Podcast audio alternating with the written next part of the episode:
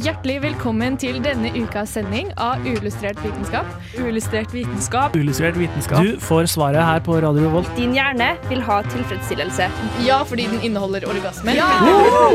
Det er hypotesen. Vi kan lag ha Få tak i de 3000 kvinnene. Hvis du skal gå rogue, så Ja, må det hvis du være skal- under eggløsninga. Det er helt nytt nivå av Crazy Cat Lady. Hengende etter bondage. Er det bra forskning, eller er det bare tull? Science isn't about why, it's about why not. Hallo, hallo, hallo, og hjertelig velkommen til denne ukas sending av Uillustrert vitenskap. Jeg heter Kristine, og med meg i studio i dag så har jeg Ida. Hallo. Jeg har med meg eh, Arian, Hallo, hallo. og jeg har med meg en gjest. Hei. Hallo. Eh, kan ikke du presentere deg selv? Eh, mitt navn er Bård. Jeg er fast invitar i Nerdeprat og har litt eh, informasjon om temaet vi skal snakke om i dag. Ja, for Temaet vi skal snakke om i dag, det er nemlig kryptovaluta. Det er et, eh, litt annerledes enn det vi har snakket om på Illustrert vitenskap i det siste, men det er absolutt et veldig spennende tema. Det er absolutt veldig mye å ta opp, og vi har eh, også litt vanskelig. Så derfor så har vi henta inn litt hjelp fra noen som vi tror kan det litt bedre enn oss. Så dette blir en slags eh, kryptovaluta for nybegynnere. Eller eh, en eh, litt repetisjon for de som er litt bedre bevandret i eh, dette temaet. Jeg tror det blir eh, veldig spennende, så får vi se om du finner ut om eh, du syns at du har lyst til å investere i å putte pengene dine i kryptovaluta etter denne sendingen. Eller om du syns at det er en kjempedårlig idé. Og seks bein om natta. Jeg vet ikke, men uh, hør på Radio Revolt. Og flere gåter, akkurat sånn som det der, eh, får vi nå. Vi skal kanskje svare på de. Eh, men vi må begynne helt fra scratch. Hva er egentlig kryptovaluta? Eh, Ja, kryptovaluta er jo en eh, digital eh, valuta. Eller altså noe du kan Det er meningen at du skal kunne betale eh, for varer og tjenester med den. Men i realiteten så er det vel egentlig blitt mer en investeringsmetode, da. Fordi at det er så vanskelig å bruke sa pengene til å faktisk kjøpe ting. Ja, for det er vel egentlig eh, Det er en slags penger, en slags type penger som noen har laget. Em, og det funker som en slags digital betaling. Ja, eh, Ja. eller det var det som var tanken. Det var, tanken var at eh, det skulle være en eh, pengevaluta som ikke skulle eh, kunne kontrolleres av en tredjepart. Så hvis du sammenligner det med å ha penger i banken, da, så kan banken din se alle transaksjonene du gjør, og de kan også endre dem hvis de er uenige med det her. Ja, Mens- Så hvis det er gjort noe feil eller uh... Ja. Eller hvis de mener at det ikke er innafor. ja. Eh, men bitcoin skulle liksom være sikrere da, for dem som faktisk gjør transaksjoner og ønsker å bruke pengene sine. Så de kunne bruke det på hva de ville når de ville, uten å bli kontrollert på samme måte. Eh, og det har jo også vært et sentralt eh, poeng eh, med at det er desentralisert, som vi også kommer eh, litt inn på seinere. Men det betyr bare at det ikke er At staten og bankene ikke kan kontrollere pengene på samme måte som de vil kunne gjøre med den norske krona. Men, men du sier eh, å kontrollere pengene dine. Betyr det liksom at hvis, eh, hvis DNB, da, eh, som er min bank, finner ut at nei, de er uenige med at jeg skal stikke og handle på Meny, så nei, du er student, du skal handle på Coop eller Kiwi, liksom. Kan de da gripe inn, eller er det litt sånn mer tenkt til hvitvasking, kanskje? Jeg tror kanskje det er mer snakk om hvitvasking. Jeg ville ikke sett for meg at DNB nekter deg å handle på Rema. Eh, kanskje ikke Rema, men jeg har vært borti liksom, uh, noen nettsider for eksempel, som bare Eller altså noen tilfeller så kan banken bare si at nei, jeg stoler ikke på at du ønsker å handle på den nettsiden der, f.eks., og kan blokkere kortet ditt. Eller blokkere transaksjonen. Ja, det som også er et veldig Eller altså det som er poenget med uh, valutaen sånn som fungerer når det faktisk er statlige valuta, da, er jo at eh, det er en bank som sitter og bestemmer hvor mye så her pengene skal være verdt. Eh, så eh, sentralbanken eh, kan jo bestemme, bestemme stadig vekk hvor mye den norske krona er verdt, og så har det her noe sånn Den skal ligge så og så langt i forhold til andre valuta. Mens når man har kryptovaluta, så er ikke dette penger. Da skal det være mer en fri eh, fri flyt, da. Og skal Ja. ikke kunne kontrolleres av stater. Det er en 100 eh, på en måte internasjonal greie. Da. Det er mange som har vært mer på at eh, nå som handel også blir mer internasjonalt, så har det ikke noe å si. Og liksom, så blir, er det veldig tungvint for meg å kjøpe noe på nett i USA for amerikanske dollar og måtte ha den derre eh, overføringen mellom norske kroner og dollar som de gjerne vil ha på sin eh, bank. Hvorfor kan man ikke bare bruke en internasjonal eh, valuta som gjelder for alle? Eh, og dette med styringen, da. Det kommer jo om, om banken din eh, sperrer din transaksjon på hvilke transaksjoner de gjør det. Det kommer vel litt an på legitimiteten til én, land du bor i, to, banken du har penger i. Og det er jo på en måte Kanskje vi i Norge syns at dette er trygt og flott og fint, men eh, det er ikke alltid man stoler like mye på statlige organisasjoner eller større liksom, banker. Da. Og det er vel kanskje den mistilliten også som har skapt det behovet.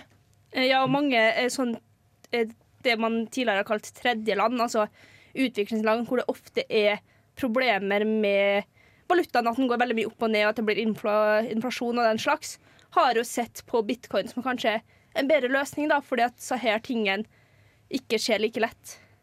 Nei, ikke sant. Eh, men måte, det, det jeg da forstår, da, er at eh, bitcoin sånn sett nesten kan anses som en standardisert enhet, eh, i, måte, i motsetning til andre valutaer som prissettes relativt opp mot hverandre.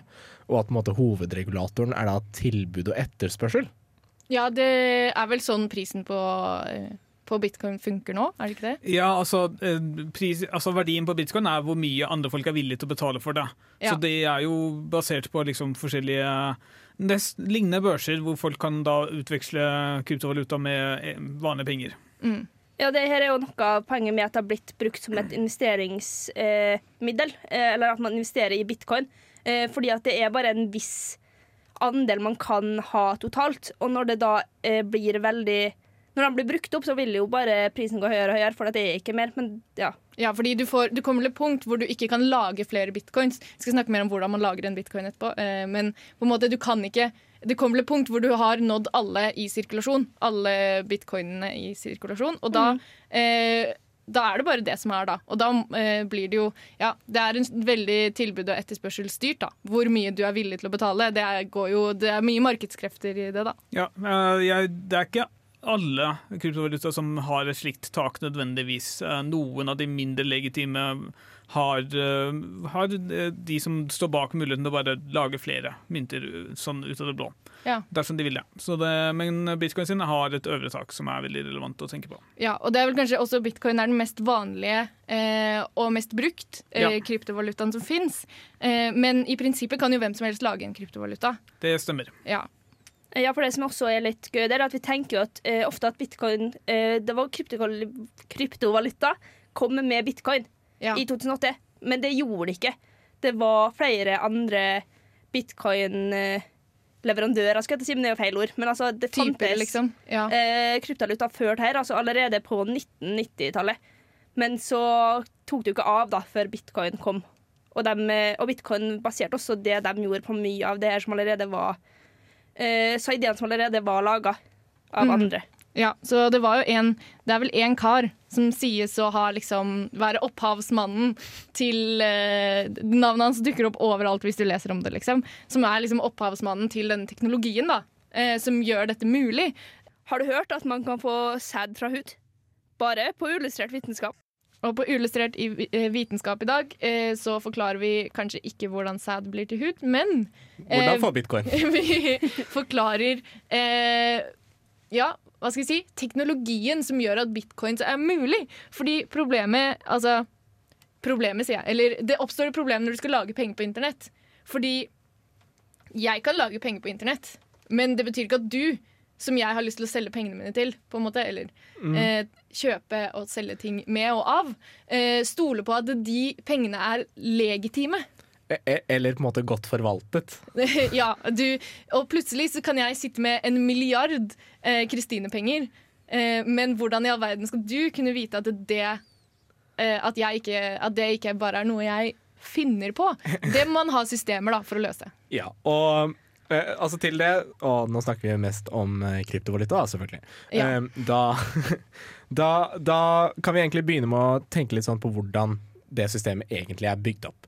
Fordi i et tradisjonelt banksystem så har man tre parter. Man Ja. har eh, den som ønsker å på en måte overføre penger eller selge eller kjøpe. Ja, En som ønsker å selge eller motta penger.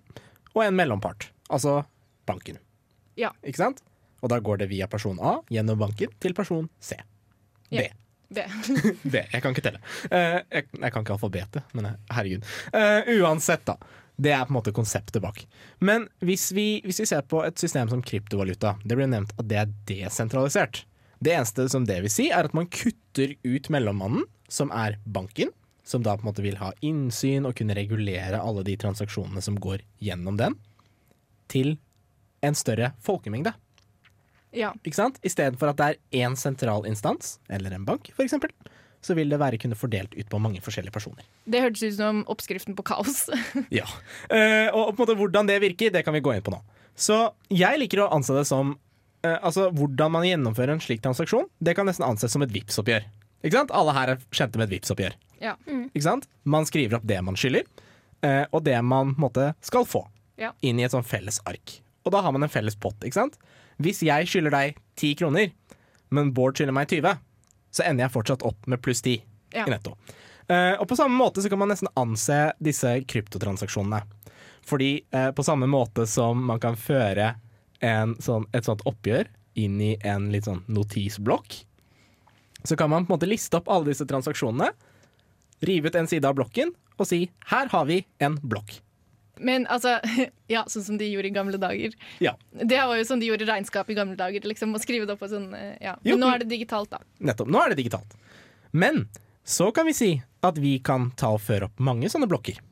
For hver gang noen utfører en transaksjon, uh, og si at vi heller vil oppdatere denne jevnlig, ikke sant? så la oss si hvert tiende minutt, så tar vi en ny måte, oppsummering og ser hva folk skylder og eier. Og sånn kan vi på en måte fortsette og fortsette og fortsette til vi får en skjede av disse blokkene med disse transaksjonene. Og da ender vi opp med en blokkskjede. Ja, som er det de kaller systemet for eh, f- System for forvaltning av kryptovaluta, da. Nettopp. Um, men måte, mange vil jo tenke Men hva er det som er sikkerhetssystemene bak, og hvorfor er ikke dette desentralisert? Jo, fordi grunnen til at dette ikke er desentralisert, er fordi de, disse dataene, eller blokkjedene, er fordelt ut på mange forskjellige utgangspunkter. Altså mange forskjellige datamaskiner som bidrar til disse beregningene. ikke Til sant? å holde track, da, på Nettopp, måte. Ja. nettopp. Siden dette er en digital uh, valuta, så må dette altså beregnes av algoritmer på data. Mm. Og hvis man tenker det slik at uh, alle disse algoritmene uh, bidrar til å vedlikeholde det videre, så vil man ende opp med en sånn blokkjede. Dette er ganske vanskelig, men henger dere med? Ja. Eh, Ja. Litt sånn halvveis. Så du får på en måte eh, Du får på en måte biter med informasjon som er hver sin blokk, og så ligger de på en måte etter hverandre. Men hva er poenget med at de ligger i hver sin blokk, og at ikke du bare har en lang liste med all informasjon etter hverandre? Eh, Det er for å ha en fornuftig transaksjonstid. Eh, Man sier at man har ti minutter eh, transaksjonstid, som betyr at når du har en transaksjon, så kan det ta opptil ti minutter før den blir verifisert. Så en blokk er et sett med transaksjoner som blir verifisert samtidig. Men det er også som ledd i dette med å hindre forfalskninger, fordi man kan spore den blokken, Om at den blokken som er mest kronologisk sammenhengende, og som har mest dataarbeidskraft bak seg, vil være den man regner som legitime. Ja. Og slik vil man hindre forfalskninger. Fordi jeg kan jo skrive opp masse 'du skylder meg 1000 kroner', 'du skylder meg 1000 kroner' mange forskjellige ganger. Men det jeg sliter litt med å skjønne, altså hvordan eh, Ser man til at det ikke bare blir anarki og helt kaos? Er det bare at algoritmene funker? Uh, man anser den skjeden som har mest datakraft bak seg, eller altså masse beregningskraft da, bak seg. Men man har jo også egne nøkler som har en privat nøkkel. Eller på en måte, Du kan tenke deg på sånn egen identitet som bekrefter at du er deg. Ja. At motparten er motparten. Og en identitet til selve transaksjonen. Okay. Som legitimerer at dette er den aktuelle transaksjonen. Du er deg, og motparten er motparten. Ja, for du har jo da eh, det du kaller en sånn eh, Fordi du må jo ha pengene ett sted, og de har du i en sånn digital lommebok. Og det okay. er jo en ID som knytter din digitale lommebok mot den transaksjonen som gjøres, da. Mm. Eh, Det er også verdt å nevne at eh, bitcoin er en eh, hva skal si, protokoll, og så har, finnes det forskjellige implementasjoner. Så det, det er på en måte sentralisert desentralisert fordi du har ett du har, eh, Bitcoin prøvde på et tidspunkt å splitte seg selv, sånn at de fikk to implementasjoner, men det var ikke nok eh, liksom, oppslutning rundt begge deler, så det fortsatte kun med én. Men poenget er at du må liksom si, sende til et sted, altså et sentralt sted. Her er min transaksjon. Og så vil alle de transaksjonene som kommer dit, bli jobbet på samtidig av denne store gruppen. Og hvis du da har flere sånne steder, så er det mulig, men det vil jo da splitte opp hele økosystemet som ingen egentlig har lyst til. Som er grunnen til at den splitten bare ikke skjedde. Det fortsatte med en massiv majoritet på den ene delen. Ja. Og så er det jo noe med dette at eh, Altså, det er jo noen som lagde et system eh, en gang i tiden eh, for, for å holde track på dette. Og det er jo veldig komplisert akkurat for at det skal funke på en måte som gjør at folk kan bruke det. Og det er kanskje derfor også det har blitt så populært, er at det, det funker i ganske stor grad da, eh, Ja. til det som eh, det er laget for. Men så har du jo alle disse som sitter eh, med den, disse transaksjonene og den transaksjonstiden. Og det er det vi kaller eh, mining. Eh, å holde track på alle disse eh, transaksjonene. Hva er det du liker best ved studentradioen? Jeg hører alltid på studentradioen. Velkommen tilbake igjen til Uillustrert vitenskap. Det handler om kryptovaluta. Og eh, nå har vi forklart eh, det mye brukte ordet blokkjede, eller blockchain på engelsk. Som NTNU også er så veldig glad i å name-droppe. Jeg syns alle er glad i name-droppe. Jeg var sånn, Hva er dette for noe? Men nå eh, håper jeg at alle fikk med seg hva det var. Eh, men nå skal vi snakke litt mer om disse transaksjonene. Fordi eh, vi nevnte noe med det at det sitter en gjeng med folk eh, i et slags nettverk som verifiserer disse transaksjonene, eller logger de på en måte. Eh, bekrefter de. Hvert tiende minutt så skjer det. Eh, og eh, det er veldig mange som er meldt på dette nettverket, som sitter og bruker masse datakraft på det. Og måten man eh, melder eller bekrefter en sånn eh, verifikasjon, det er også en slags konkurranse. Eh, fordi eh, alle som er med, jeg kan være med, og du kan være med. Og så sitter vi der med hver vår PC, og PC-en gjetter masse tall. Og den som kommer nærmest det liksom, tallet som eh, algoritmen har liksom sagt, og det er bare random generert. Så det kan være hva som helst. Det ikke Altså, jeg kan ikke lage en kode som er flinkere på å gjette tall enn det du kan. Eh, så det er kun liksom sannsynlighetsberegna, da. Og så sitter man og gjetter, og så gjetter jeg veldig nærme det tallet. Og da eh, bekrefter jeg den transaksjonen, og så får jeg penger. Wow. Så det, det vil si at når du på en måte legger til en blokk, da, eller bekrefter en blokk i denne blokkjeden, Ja, så har du verifisert en handel, eller en serie med handler. ja. Og da tjener du penger. Og da tjener du penger på det. Men hva er hensikten med denne gjettinga? Er det bare for å kontrollere at ikke alle kjøper krypto? Uh, altså, nei ehm, jeg, kan du, jeg skjønner ikke helt spørsmålet. Eh, det er vel, altså du, eh, protokollen er basert på at det skal ta ti minutter å verifisere en eh, transaksjon. Eller du skal verifisere nye transaksjoner hvert tiende minutt, og det blir utbetalt nye bitcoin hvert tiende minutt. For at det ikke skal gå for fort, rett og slett. Ja. Okay, Ja. Men uh, også det med å gjette tall. Altså, I og med at dette er et digitalt system, ikke sant? så er det på data og det er en algoritme. Det det basically betyr, da, er at du får en veldig vanskelig ligning eh, som datamaskinen må løse, og det gjør den ved å gjette tall. Eller så kan du få hvilke to primtall er faktor i dette kjempelange tallet. Og da må datamaskinen hele tiden gjette.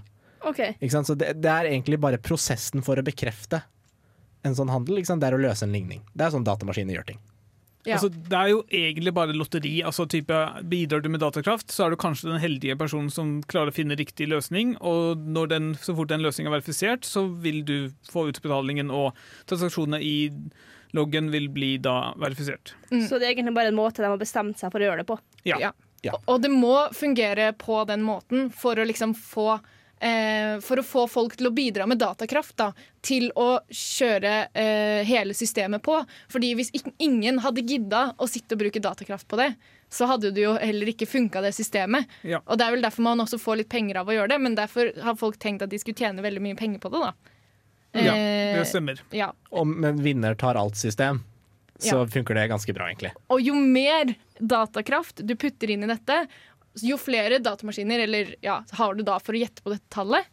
Og jo mer sannsynlighet er det for at du får alle de pengene. Så derfor så har det jo blitt en eh, Altså derfor har det jo blitt en business i å drive og være med på dette lotteriet, i å lage bitcoins. Hva slags konsekvenser det har, det får du snart.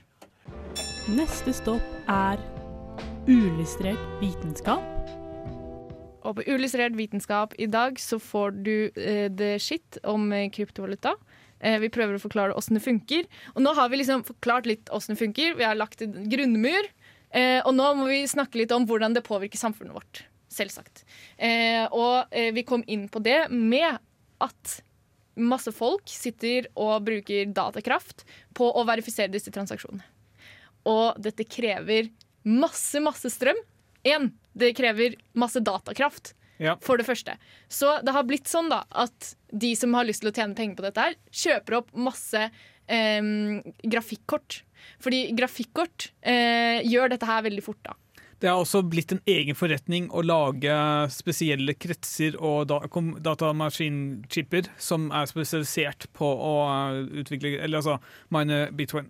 Ja, så derfor eh, så eh, blir det jo tomt på markedet eh, for grafikkort. Og det er sånn trist for de som vil spille dataspill. Gamere har vært undertrykket siden 2016.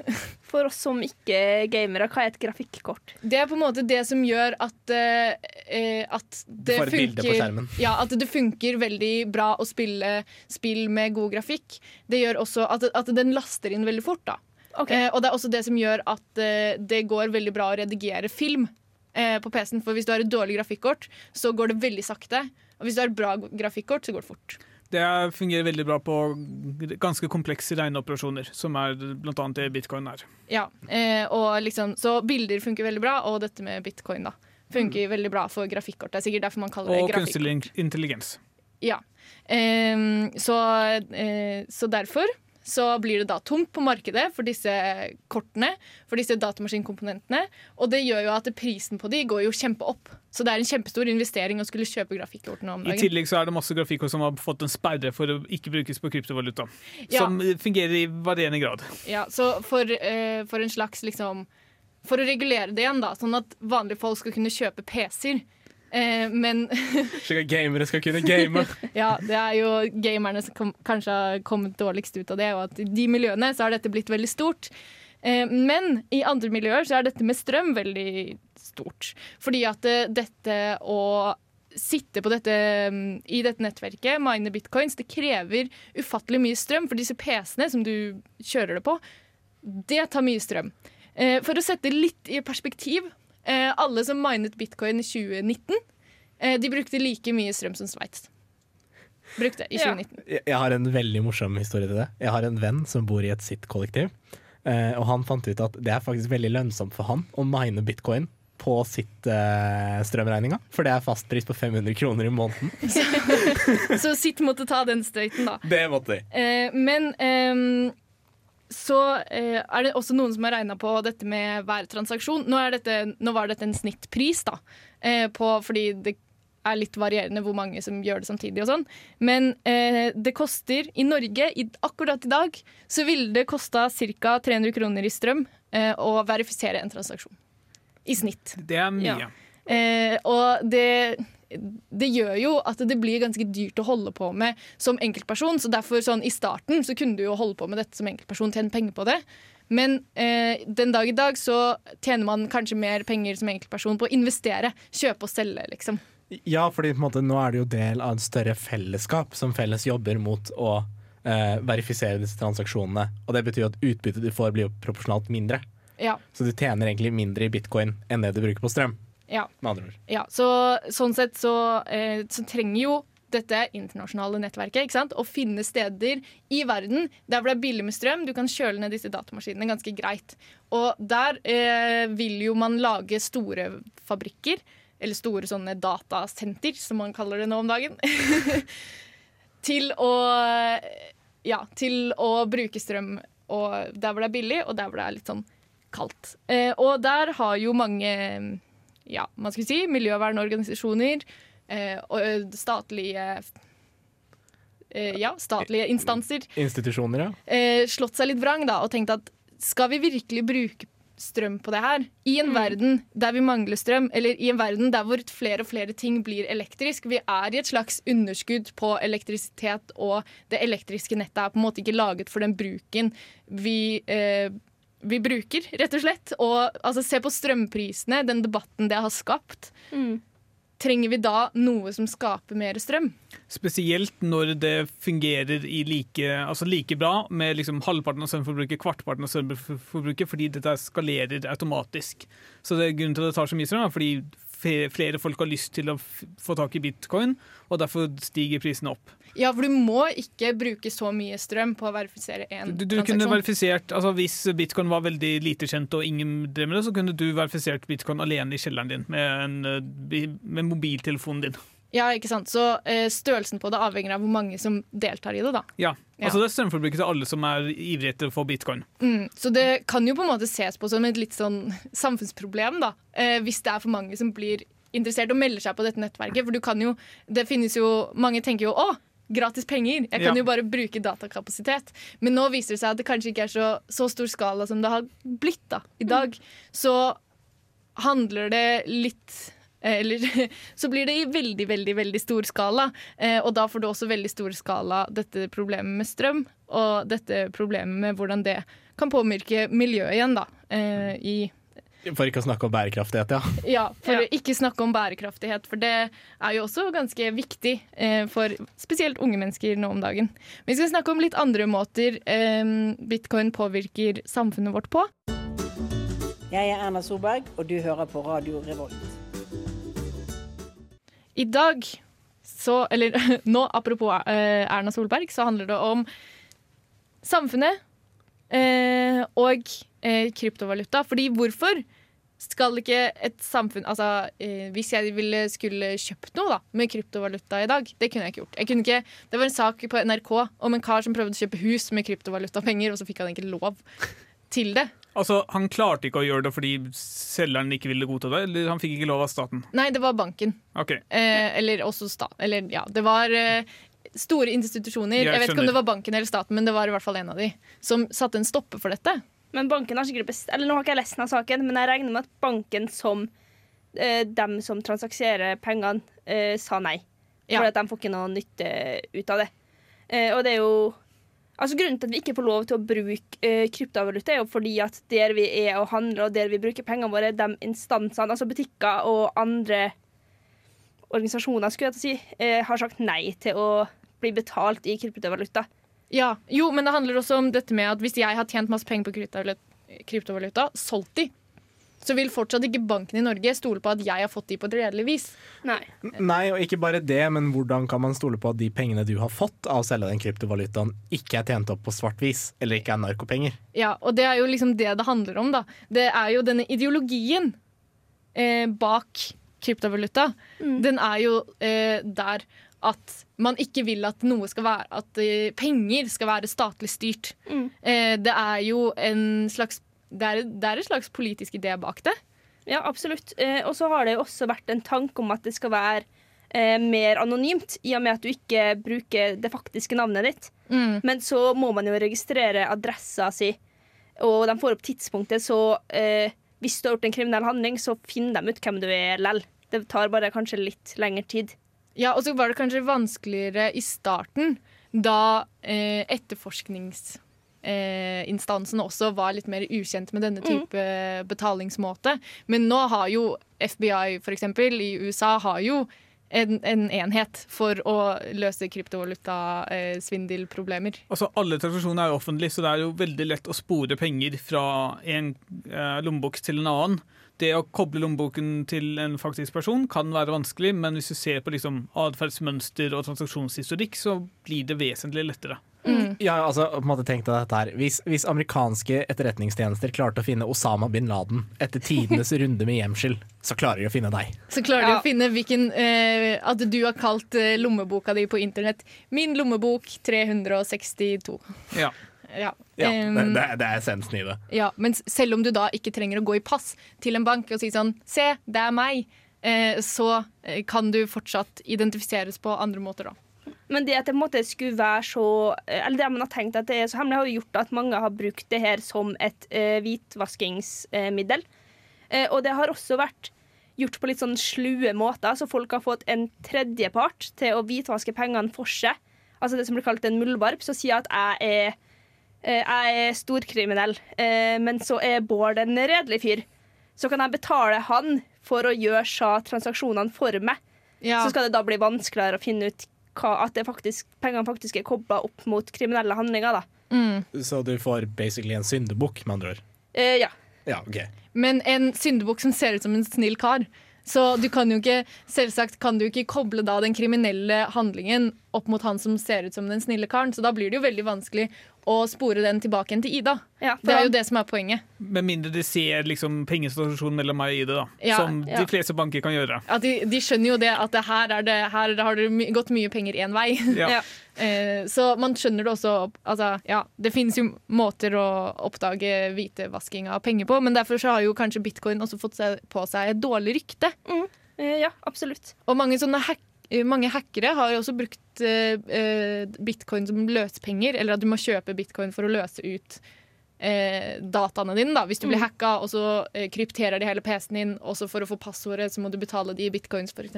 Men det er nok mest fordi en bankkonto kan liksom spores, og du kan kontakte banken og bare det her blir blir brukt til ulovlige aktiviteter, den bør det stenges. Men Ja. kryptovaluta kan du ikke stenge på samme måte. Mm. Og at det da også blir en av de sketchy tingene da, med Ja. det. Ja. Ja, for absolutt. De, har, eh, de hacker seg inn på andre sine PC-er for å kjøpe eh, valuta. Eh, Men så er det også veldig mange som bruker kryptovaluta som en type skattesvindel. Fordi at det skal være vanskeligere for staten å vite hvilke penger du faktisk har. Men i Norge i dag så er det jo sånn at du må, du må føre inn i skattemeldinga di at du har kryptovaluta, hvor mye det her er. Og fra og med 2019 så kunne du bare skrive inn de faktiske beløpene istedenfor å trenge å sitte og oversette sjøl. Som gjør det veldig mye lettere, da. Som også kunne svinge fra sekund til sekund. Ja, absolutt. Ja, ja, det er jo noe med det også. Eh, og, men du kan jo også bare droppe å skrive det opp. Eh, Men eh, det er også da kanskje vanskelig for staten å kontrollere at du har skrevet riktig beløp i kryptovaluta. Så sånn sett så blir det også litt vanskelig, da. Ja, og det koker jo ned til en ideologisk konflikt. Hvor mye på en måte er man enig i at man skal skatte av egne penger, kontra hvor mye er man villig til å betale for fellesskapet. Ja. Eh, og sånn som I Norge da, så er jo det ganske langt unna den ideologien man driver staten på. Eh, fordi man er jo avhengig av skatt for at Norge går rundt. For hadde ikke folk betalt skatt i Norge, så hadde jo ingenting funka, liksom. Ja, og nå, eh, i hvert fall eh, bitcoin mest sannsynlig, da, så de vet jo ikke hvem som lager bitcoin, men det er nok en amerikaner eller noen som kommer fra et land med litt andre skattesystemer og litt mindre tro på skatt enn det vi har i Norge. Litt annen markedsideologi, kanskje. Ja. Mm. Men samtidig eh, så er jo også dette med kryptovaluta ble jo stort i Kina eh, på et tidspunkt.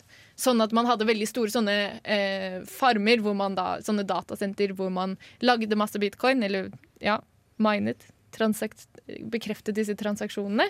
Eh, men så ble det jo ulovlig i Kina, plutselig. Eh, fordi Eh, Jeg tror de sa det var fordi at det hadde veldig store miljøpåvirkninger. Eller det var så dårlig for miljøet, som du var inne på i stad. Eh, Og pga. det her med svindel, da. Ja, men Og- det er politikersnakk for at Kina vil ha mer makt og kontrollere ting selv. Ja. Eh, De har jo nå i etterkant kommet ut med en digital yuan. Hvordan den fungerer i forskjell med bitcoin, det aner jeg ikke. Men det er, de er jo tydeligvis interessert i markedet. De bare vil ikke ha bitcoin til stede, og an annen kryptovaluta. Ja, og ja, hva skal jeg si? Eh, å plugge sin egen Ja. istedenfor. Ja, for det er jo flere land som har vært inne på na, tanken med å lage sine egne, men da går man jo litt bort fra det vi snakka om i stad, om at eh, kryptovaluta er desentralisert. Så det er jo plutselig noen som kan kontrollere det lell. Mm. Ja, og da mister du på en måte det ideologiske bak det. da. Mm. Og poenget bak eh, grunnen til at det var laget, og grunnen til at mange også syns at det er en god idé, da, av ideologiske grunner. Eh, Men det er, jo, altså, det er jo mange fordeler og ulemper med bitcoins. Så her er det bare å slenge inn flere fordeler og ulemper hvis dere har, har det liggende. Nei, på en måte, altså, mye av det ligger jo også i det altså, som har blitt tatt opp med veldig mange ganger i løpet av sendinga her, men altså investeringspotensialet. Fordi det er, Ja. jo, det er jo mange som på en måte slenger seg på bølgen uten å helt forstå hva de gjør. Ja, for er det egentlig et godt Er det en, er det en god penge? Eh, Jeg unngår det av prinsipielle grunner fordi jeg hater konseptet med det, og jeg ser egentlig null fordel med bitcoin som en helhet, personlig. Men hva er galt med konseptet? Eller sånn? Eh, Det løser ingen av problemene det ble satt ut til å løse. Det kan ikke fungere som vanlig valuta fordi transaksjonskostnadene er både altfor høye med denne kursen her, og de tar for lang tid. Ti minutter å vente på å få bekreftet på at ja, du kan ta den kaffen du kjøpte, er for lenge. Eh, De har til og med laget systemer for å slumpe sammen mindre sensasjoner til større sensasjoner, som er liksom et plaster på såret. Eh, og liksom, der viser at anonymiteten er, har helt forsvunnet. Så det Siden liksom- du likevel kan spore folk, liksom. Ja, så det er, liksom, det er veldig lite av de problemene som det skulle løse, som det faktisk løser. Og det med en massiv eh, tap av energi og alt mulig, som bare Jeg ser ikke helt hvor, hvordan det kan forsvares. Nei, sånn sett så har det jo Ja, det er jo Lønner det seg mer Eller jeg skjønner da heller hvordan det kan brukes mer som en investering, da. Heller enn at du skal eh, bruke Det blir jo strømkostnadene og Ja. eh, gebyret det koster for å, eh, for å tra gjøre en transaksjon, for du får jo fortsatt et gebyr, eh, som er en ganske essensiell bit av informasjonen, gjør jo også at da lønner det seg mest å gjøre store beløp av gangen. Ja. Og det er jo i investeringsland og eh, cash money flow-land, på en måte, enn eh, i jeg betaler for en kaffe. Mm, og de pengene du investerer går jo ikke direkte til noen. Det er bare en måte å oppbevare pengene på. Mens hvis du investerer i aksjemarkedet, så vil det jo på en måte gå til en bedrift som kan gjøre noe produktivt med det. Ja, ja, det er jo også et veldig godt poeng. At da tjener jo faktisk Da kan noen ta, gjøre investeringer i andre ting. Men jeg skjønner heller ikke hvorfor noen vil investere i noe som er såpass ustabilt, når du like gjerne kan investere i vanlige aksjer eller en vanlig valuta, sånn som amerikanske dollar, som er mye mer stabil enn det bitcoin har vært gjennom tidene. Jo, ikke bare det, men man kan også trekke argumenter for hvorfor ikke investere i kunst. Og da kommer man jo inn på temaet NFTs, som har litt sånn sprengt eh, opp i popularitet de siste perioden. Fordi det er digital kunst som du kjøper. Ja, fordi på en måte, det, det man gjerne tenker når man hører NFT, det er sånn å, de ha-ha, de rare apene. Eh, Eh. nei. Men OK. Jo, men altså I korte trekk da Så er det bokstavelig talt det at du bytter kryptovaluta For en tilsvarende sum kryptovaluta i kunst Ja. Så på en måte Men du eier ikke kunstverket i seg selv Du eier ikke nødvendigvis opphavsretten Men det betyr at du eier et sett med piksler I en viss konfigurasjon ja, Så det blir som å kjøpe et print, bortsett fra at du får det ikke fysisk. Nei, kunstneren henger det så opp i sitt eget hjem Det, det, er, det er faktisk litt verre. Du, fordi altså, det er en transaksjon som havner på blokkjeden, men den peker kun til masse linker hvor du har metadata og sånne ting. Så du eier ikke engang det konkrete bildet. Du eier Linken. plasseringen til det bildet på internett, som kanskje slutter å fungere om et halvt år, et år, eller når som helst. Oh ja, så Hvis noen flytter bildet, så eier du ikke bildet Eller lenger? hvis noen tar ned nettstedet du har som linken peker til, hvor du har det bildet, så er det ingenting der. Men det hørtes jo kjempeusikkert ut. Ja. Og en ting som er enda mer morsomt Hvis du screenshotter det bildet Så kan ingen avkrefte at du eier det eller ikke Ja. Ja. Ida blir sånn helt jeg så- jeg så Ida bare slang med armen. verden- Hvorfor i all verden skal jeg kjøpe det da? ja, men nei, det skjønner jeg ikke. Og så skjønner jeg ikke, Vil noen kjøpe det av deg, eller blir du bare lost? I, igjen, dette er dette med investeringspotensialet. Fordi det er enkelte skikkelser, blant annet Elon Musk, eh, som offentlig går ut og sier 'Å, dette her er gode ideer'. Og så vil mange populære eh, influensere også gjerne si 'Å, dette er en kjempegod idé', uten nødvendigvis vite hva de gjør, men bare for å kapitalisere på at andre er dumme og gir dem penger. Altså, Ideen er god, fordi det her gir også mulighet for at for eksempel den som har lagd verket, kan tjene penger hver gang det blir videresolgt. Type sånn Hvis det faktisk øker i verdi. Hvis Munch for eksempel hadde lagd en NFT som faktisk fungerte bra, så kunne de, man tjent på det i all evighet.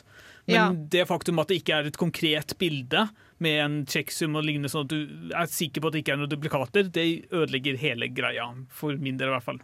Ja, så det er på en måte Det er et system som eh, i teorien er bra, men som i virkeligheten funker litt dårlig. Fordi det er ikke helt Det er ikke helt optimalt, på en måte. Det kan finnes så mange kopier av det samme bildet som du visstnok skal eie. og det kan, De kan alle eksistere som NFT også, uten at det nødvendigvis blir oppdaget engang at det finnes ti kopier, f.eks. Ja, så det er en måte noen kan tjene veldig mye penger på, da, egentlig. Ja. Ja. I, I prinsippet en god idé, men sånn som det er på en måte praktisert nå, en måte å tjene raske penger på folk som ikke helt vet hva de kjøper. Ok, Så kanskje det også er konklusjonen litt på eh, dette med bitcoin. Ikke eh, en måte å tjene en del penger på, men som kanskje har eh, litt uforutsette konsekvenser når halve verden plutselig skal begynne å bruke det, eh, og mange tjener masse penger på det. Ja. Eh, men det er selvfølgelig et eh, felt i rivende utvikling, som det heter. Eh, og man må bare følge med på hvordan det er, både med statlig regulering og fremtiden til kryptovaluta, til NFTs, til digitale transaksjoner. Det blir spennende å følge med på. Eh, vi er uillustrert vitenskap. Uh, og det var det vi hadde for i dag, rett og slett. Jeg heter Kristine. Med meg i studio i dag så har jeg hatt Arian, Ha. Bård og Ha. Ida. Ha det! Ha det bra.